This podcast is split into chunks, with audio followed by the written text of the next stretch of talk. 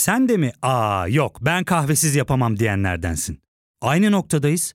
İlk ve tek kahve üyelik uygulaması Frink'le tanış. Hem bütçeni koru hem de hiç bitmeyen kahvenin tadını çıkar. Yakınlarından terapinin onlara ne kadar iyi geldiğini dinlesen de kendin için bir şeylere başlamak zor geliyor olabilir. Ya da sevdiklerine yardım etmeye istekliyken kendi ihtiyaçlarını görebilmek. Hayvel, uzman psikologlarıyla kendi ihtiyaçlarını bulmanda sana destek olacak. Terapi yolculuğuna başlamak için detaylı bilgi bölümün açıklamalarında.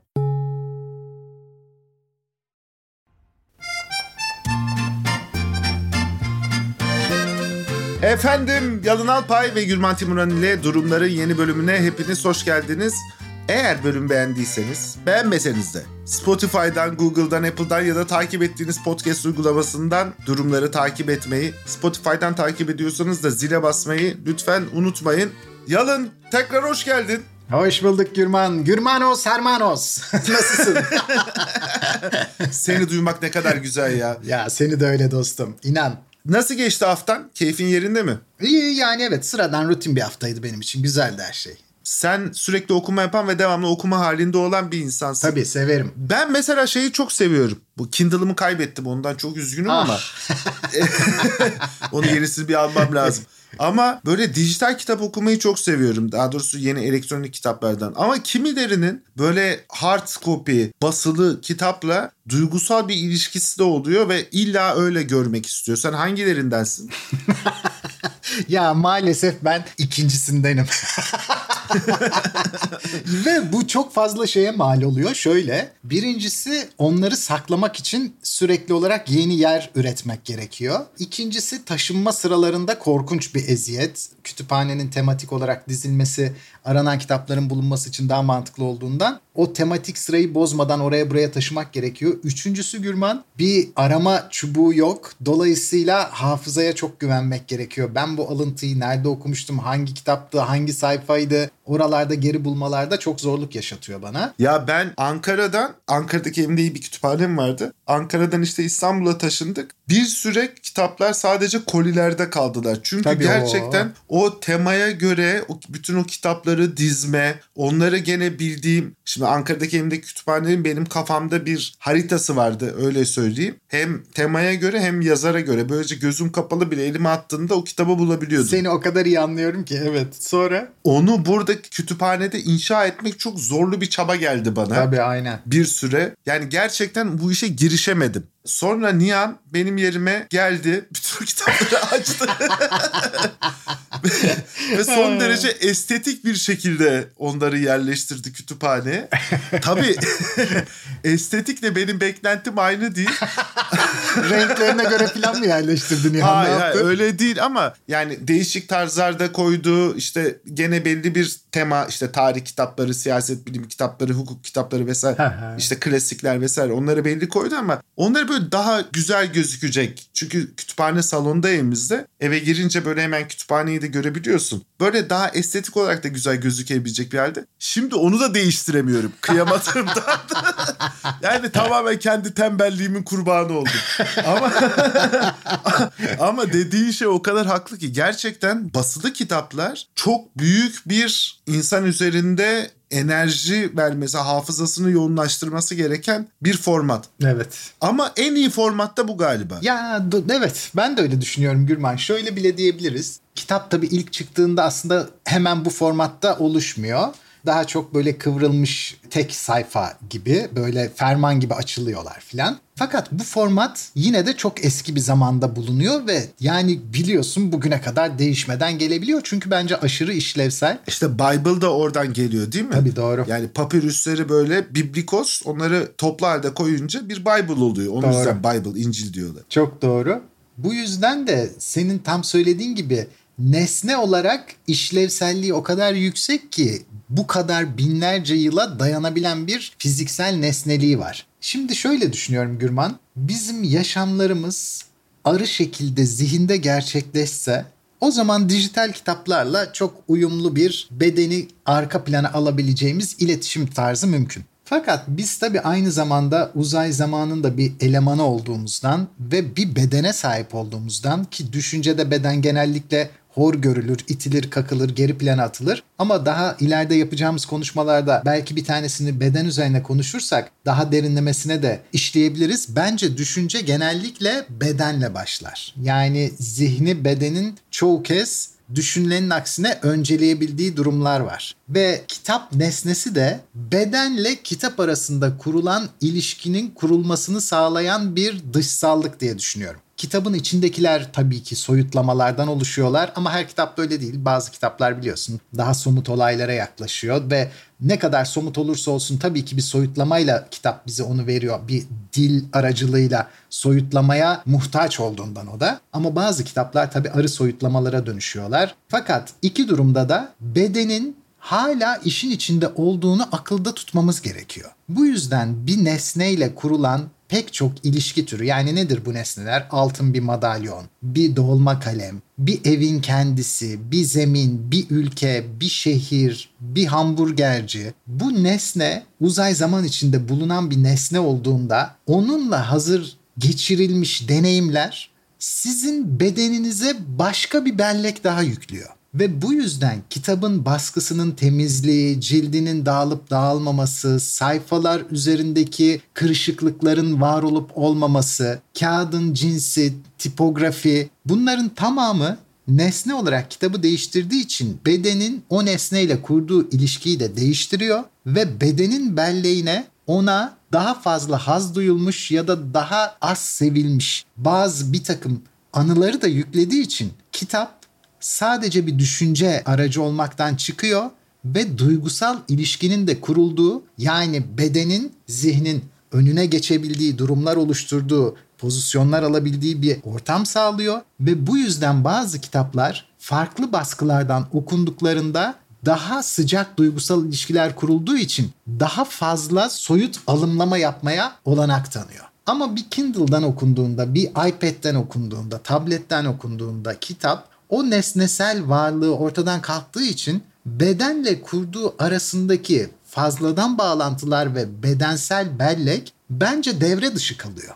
Bu devre dışı kalması da kitapla kurulmuş hislerin azalmasına yol açıyor ve kitabın zihnimizdeki korunumunu bence bir miktar azaltıyor. Şöyle dediğin o kadar güzel bir nokta ki Kindle'da ya da tablette ya da başka bu tip formattaki bir kitap okuyucuda biz kendimiz fontu seçiyoruz ve onun kendisine ait bir zaten obje olarak da bir formatı var. Bir boyutu, bir kalınlığı, bir yüksekliği vesaire. Elimizdeki tutuşu hep aynı. Dolayısıyla her içindeki ona yüklediğimiz kitap kendi özgün olma, kendi varlığını bu format içerisinde kaybediyor. Doğru, çok doğru. Birer metne dönüşüyor, salt metne. Halbuki kitapların hepsinin formatı farklı, kağıt kalınlığı farklı, tipografisi farklı dediğin gibi. Her kitapla da elimize aldığımızda özel bir ilişki kurmayı. Tabii. Her kitabın da kendi tipi var yani. Çok kendi doğru. bedeni var. O metinden farklı olarak Kitap kapağı var, kitabın kalınlığı var, kitabın kokusu var. kendi bedeni de var içeriğinden bağımsız ve onlarla özel ilişki kurmayı, insanın onlarla ayrı ayrı ilişki kurması da mümkün hale getiriyor. Yüzde yüz katılıyorum. Mesela bak ortaokuldayken kütüphaneden aldığım John Steinbeck'in Gazap Üzümleri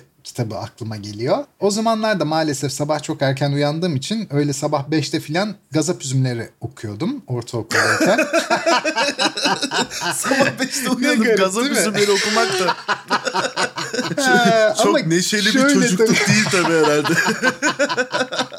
Kitabı okumak için erken kalkmıyordum ama erken kalktığım için canım sıkıldığından kitabı okuyordum tabii bu arada. Ama tabii yani hakikaten şimdi bana da çok komik geldi geçmişe dönünce. Şimdi Gazap Üzümleri bayağı hacimli bir kitap. Bordo bir cildi vardı ve bir şömizi vardı. Şömizle kitap okumak şömize zarar verildiği için bir süre sonra benim hoşuma gitmez. Hep şömizi çıkarıyorum okurken. O bordo cildi kitabın kokusunu ve kırmızı yer bulma kurdelesini falan çok net hatırlıyorum ve kitap kalın olduğu için ellerim de tabii ortaokul çocuğu olarak küçük. O ellerin arasına oturuşu, ondan yayılan tutkal kokusu. Şimdi bunlar hafızamda nakşetmiş durumda. O da biliyorsun 29 bunalımında Kaliforniya'daki portakal toplamaya giden işçilerin yaşadıkları trajedilerle işte donanmış bir yapısı var romanın. Onlar bütünüyle kendine özgü koku, beden, saat, okuma saati bunların hepsi birleştiğinde o kitabın deneyimi biricikleşiyor Gürman. Ve Evet.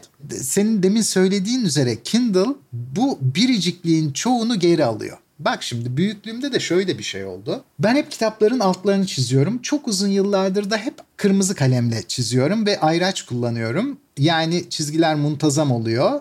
Yanına da hep aynı marka kalemle genellikle onun mavi rengiyle notlar alıyorum. Bu şuna yarıyor. Ben artık orayı gördüğümde nasıl bir şey yapmak istediğimi bir standarda oturttuğum için kitabın üzerinde Yalın Alpay standardı olan fakat her kitabın her sayfasında farklı yeri çizdiğim ve farklı yere not aldığım için görsel olarak farklılaşmış sayfalar sağlıyor. Biraz önce konuşmada sana demiştim ki otomatik bir arayıcısı yok bunun. Bir arama çubuğu yok. O yüzden sayfaları hatırlamak gerekiyor. Kitabı hatırlamak gerekiyor. Yaklaşık olarak çoğu sayfada çizecek bir şey bulduğumdan ve yanına çoğunlukla not aldığımdan benim okuduğum kitapların her sayfası birbirinden değişir ve görsel hafıza bir şekilde bu sayfaları onun içinde yazan şey önemli bulunmuşsa o formla tutar. Yani kitabın maddi olması hem kendi kendine bir beden sahip olmasına senin demin çok iyi nitelediğin üzere hem de o beden üzerinde kolaylıkla oynama yapıldığı için ve o beden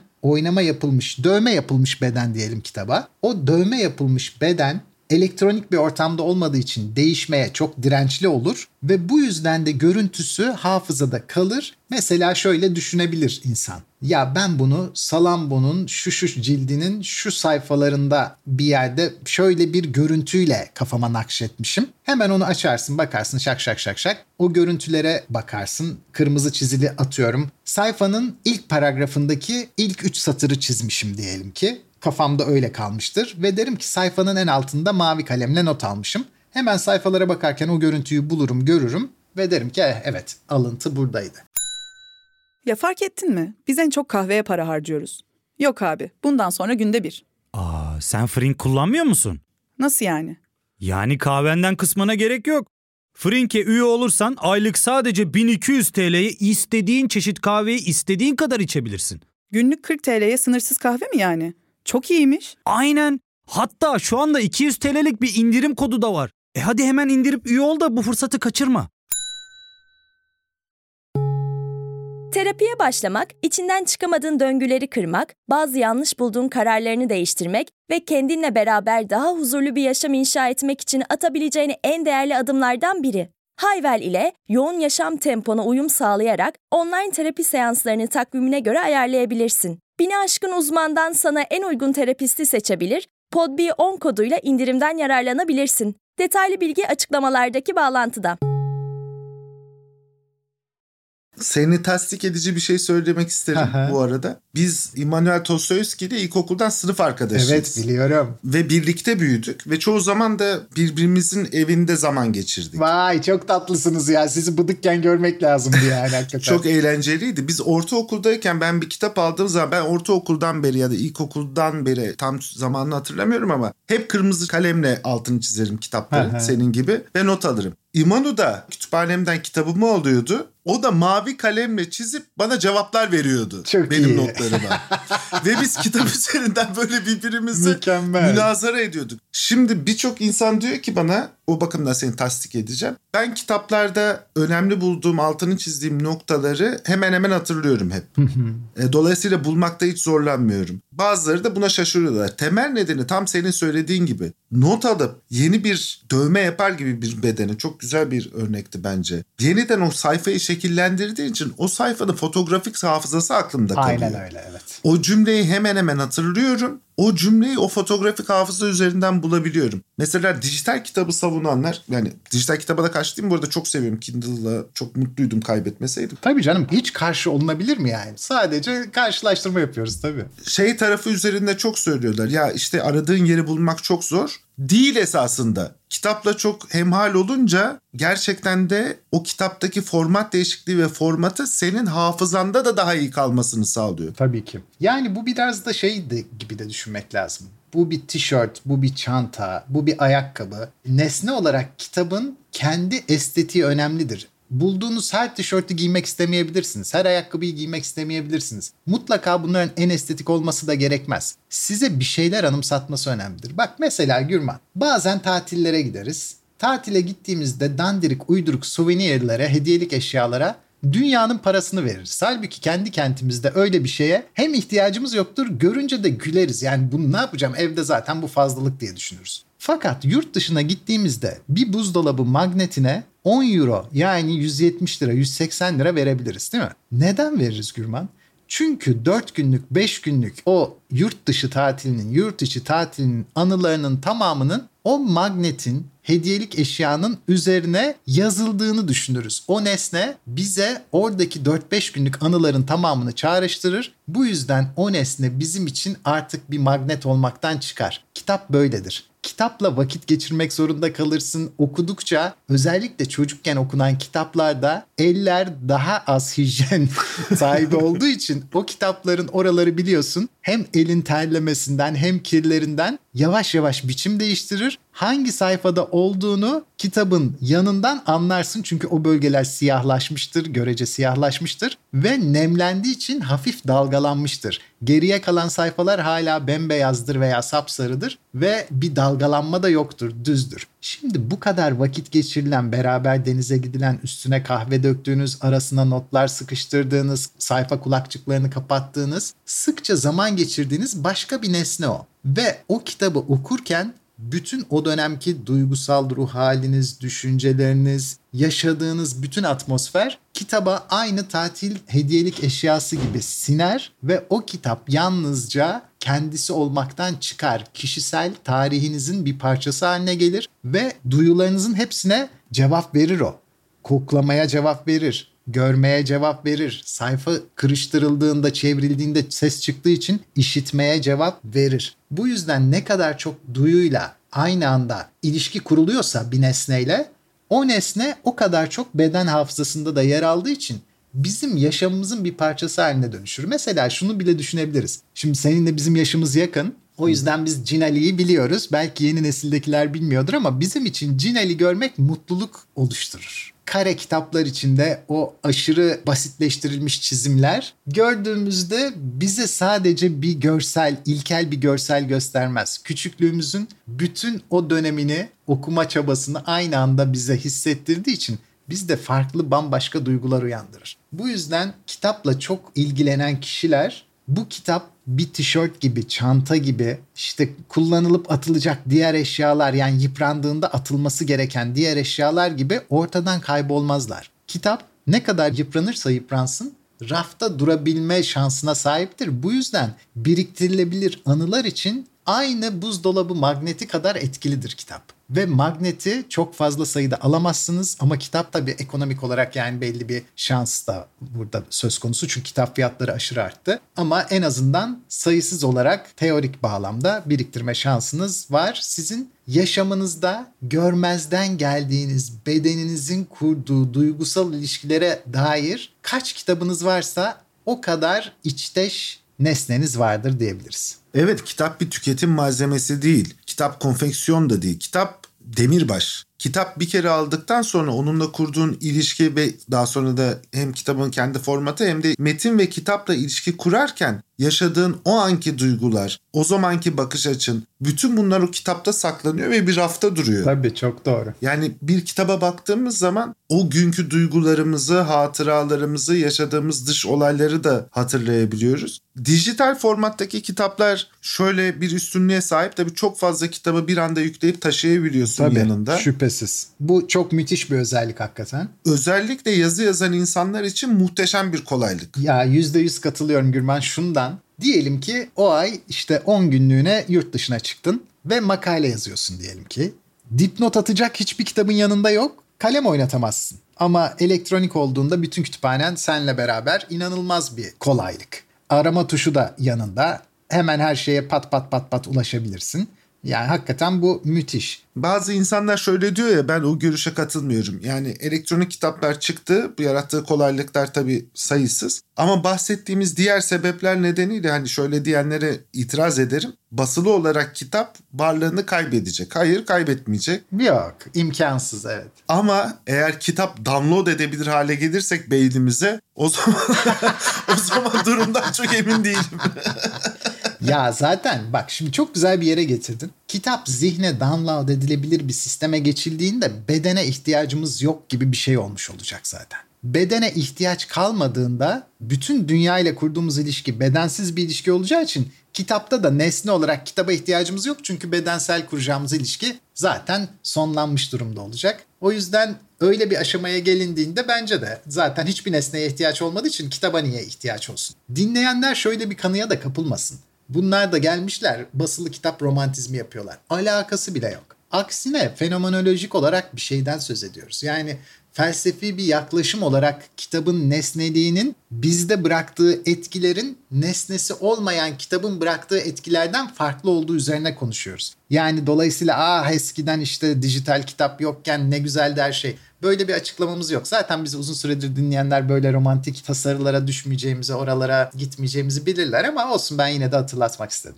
Ya hiçbir romantizmi yok bu arada. Hiç yani ne yapacağım romantik kitapla şiir mi yazacağım kitap üstüne ama akşam sarılıp uyuyormuşum böyle. Hiçbir romantizmi yok. Sadece kitabın formatı ve bahsettiğimiz özellikleri bizim kitabın içerisindeki metinle kurduğumuz ilişkiyi de değiştiriyor. Algılamamızda aklımızda kalışını da. Aynen öyle. Bunun bir etkisi var. Bundan münezzeh değil okuduğumuz metinler. Onu ifade etmeye çalıştım. Aynen öyle. Aynı zamanda çok sevdiğim akşamları sarılıp yattığım kitaplar da var. Onları da saymak istedim.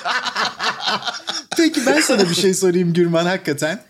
Senin için cildiyle, okuma zevkiyle, işte baskısıyla, sana o dönemde hissettirdikleriyle, kattıklarıyla senin için özel olan kitaplar var mı? Ama baskı da buna dahil. Var. Hangileri? İki tane söyleyebilirim. İkisi de çocukluğumdan. Bir tanesi küçük bir çocukken özellikle çizgi romanlar okumayı çok severdim. ve Red Kit'in ve Tenten'in böyle büyük baskıları vardı hatırlıyor musun böyle? Tabii ki ya hatırlamaz mıyım? Güzel kalın kapaklı. O baskıları hala çok severim. Evimde de vardır yani mümkün mertebe alırım da. Tenten'in tamamen serisini aldım. Red Kit'i de yavaş yavaş topluyorum. Onlarla kurduğum böyle duygusal bir ilişki var çocukluğumdan kalan. Çünkü çok eğlendiğim zamanlardı ve Red Kit'in de böyle kendine ait esprileri, çizimleri vesaire çok eğlenceliydi. Bak sözünü balla kesiyorum. Estağfurullah. Devam et ama lütfen. Tenten konusunda verdiğin örnek bizim bugünkü konuştuğumuz konuyu çok güzel özetledi. Neden? Çünkü ben Tentenlerin tamamını milliyetin verdiği çok kötü basılmış küçücük zımbayla tutturulmuş kapağı bile olmayan yani kapağı da kağıt olan çizgi roman baskılarından okudum. Ve tabii çok severek okumuştum. Bugün bana büyük boy tentenler yerine eski basılmış sahaflarda gördüğüm o küçük boylar çok çekici geliyor bu yüzden. Yani kitabın nesneliği üzerine ikimizin aynı kitap üzerindeki deneyimleri sayesinde hangi baskılara ilgi duyduğumuzu göstermesi çok sağlam bir örnek oldu sanırım. Milliyet aynı senin dediğin gibi Red Kit'i de öyle. Küçük baskıda çıkarmıştı. Tabii ikisini de oradan okudum. Tabii. Evet ben hala o Red Kit'leri görünce de çok hoşuma gider. Çünkü yaz tatilinde onlar her hafta pazar günleri geliyordu. Heyecanla bekliyordu. Tabii ya ne zevkliydi. İkincisi de ortaokul galiba bir ya da ikinci sınıftaydım. O zaman William Shearer'ın Nazi İmparatorluğu kitabı vardı. Hmm, tabii çok ünlü bir kitap tabii evet. Çok ünlü. Üç cilttir. Tunalı Hilmi'deki bir tane sahafta bulmuştum. Çok eski basım. Yani 1970 küsür basım bir tanesiydi. Elimdeki işte küçük harçlıklarımla o zaman onu almıştım. Onu da ben bir de portakal yemeyi çok severim. Hala bağımlısıyımdır. Böyle bir kilo portakalı yanıma koyup o kitabı okumuştum. Şimdi kütüphane geldiğinde göreceksin. Kütüphanede kenarları böyle turuncu turuncu portakal izli bir Nazi İmparatorluğu kitabı var. Olağanüstü ya. Tam konuştuğumuz konuların örneklerini seçtin verdin. Müthişti hakikaten. Evet kitaplarla kurduğumuz ilişkiler tek boyutlu ilişkiler değil. Gerçekten çok boyutlu ilişkiler. Kitaplar başka insanların birbirleriyle de ilişki kurmasını sağlıyor. Seninle mesela tanışmamız, arkadaş olmamızda daha önce emek verdiğimiz kitapların kesinlikle çok yüksek oranda payı vardır. Yüzde yüz. Böyle diye ya şey Orko gibi oldu ya. Kitaplara sevgilerim diye bitireceğim. O zaman bu haftaki sohbetimizi burada bitirelim mi? Tamam harikasın Gürman ya. Sen harikasın vallahi Yalın. Muhteşem açıkladın. Ya bu arada çok ufak bir şey söyleyeceğim. İki dakika uzatmış olayım. Şimdi bizdeki normal genel olarak insanların aklında kalan format iki kişi bir araya geldiğinde genellikle çatışmaya dayalı format. İşte sen bir laf söyleyeceksin ben sana laf yetiştireceğim. Orada. Evet. Ama bizim formatımız buradan ayrışıyor. Ayrışırken şöyle üstün bir yönü olduğunu çatışmadan, kavgadan yani Rasim Ozan Kütahyalı gibi aa diye bağıracak halimiz yok yani. Belli yaşlı nazik insanlarız biz. Ondan sonra bu formatın şöyle bir güzel tarafı var. ben bu sohbetleri yaptıkça birçok alanda zihnim de açılıyor. Daha çok düşünüyorum. Daha önce düşündüğüm şeyleri hatırlıyorum ve onlar üstüne derinleşme fırsatı buluyorum. Bana bu fırsatı verdiğin için de eminim dinleyiciler de aynı şeyi hissediyorlardır. Böyle derinleşme ve daha çok düşünmek için zihinsel bir yoğunluk imkanı verdiğin için de teşekkür ederim. Estağfurullah dostum ne demek ben teşekkür ederim. Hatta biliyorsun bu teklifi ben sana yaptım. Kabul ettiğin için, paydaşı olduğun için, harika yönettiğin için her seferinde akla hiç gelmeyecek konuları rahatlıkla bulduğun, seçtiğin, getirdiğin, tartışmaya açtığın ve çok güzel kanallarla bize ilettiğin için vallahi çok teşekkür ederim Gürman. Ya, Hatta şöyle ederim. de söyleyeyim. İki kişinin bir araya gelmesi sadece fikirlerin ortaya dökülmesinden ibaret değil. Aynı demin kitaplar için söylediğimiz her şey bedenlerin birbiriyle iletişim kurmada zorlanmamasından kaynaklı ikili konuşmaları da farklılaştırıyor. Seninle kurduğumuz bu rabıta da aynı bir basılı kitapta bulunabilecek en iyi alaşımlardan biri gibi bir durum oluşturduğundan bence sistemin hem zihinsel uyuşması hem de fenomenolojik uyuşması bizim şansımız diye düşünüyorum. Çok teşekkür ediyorum sana.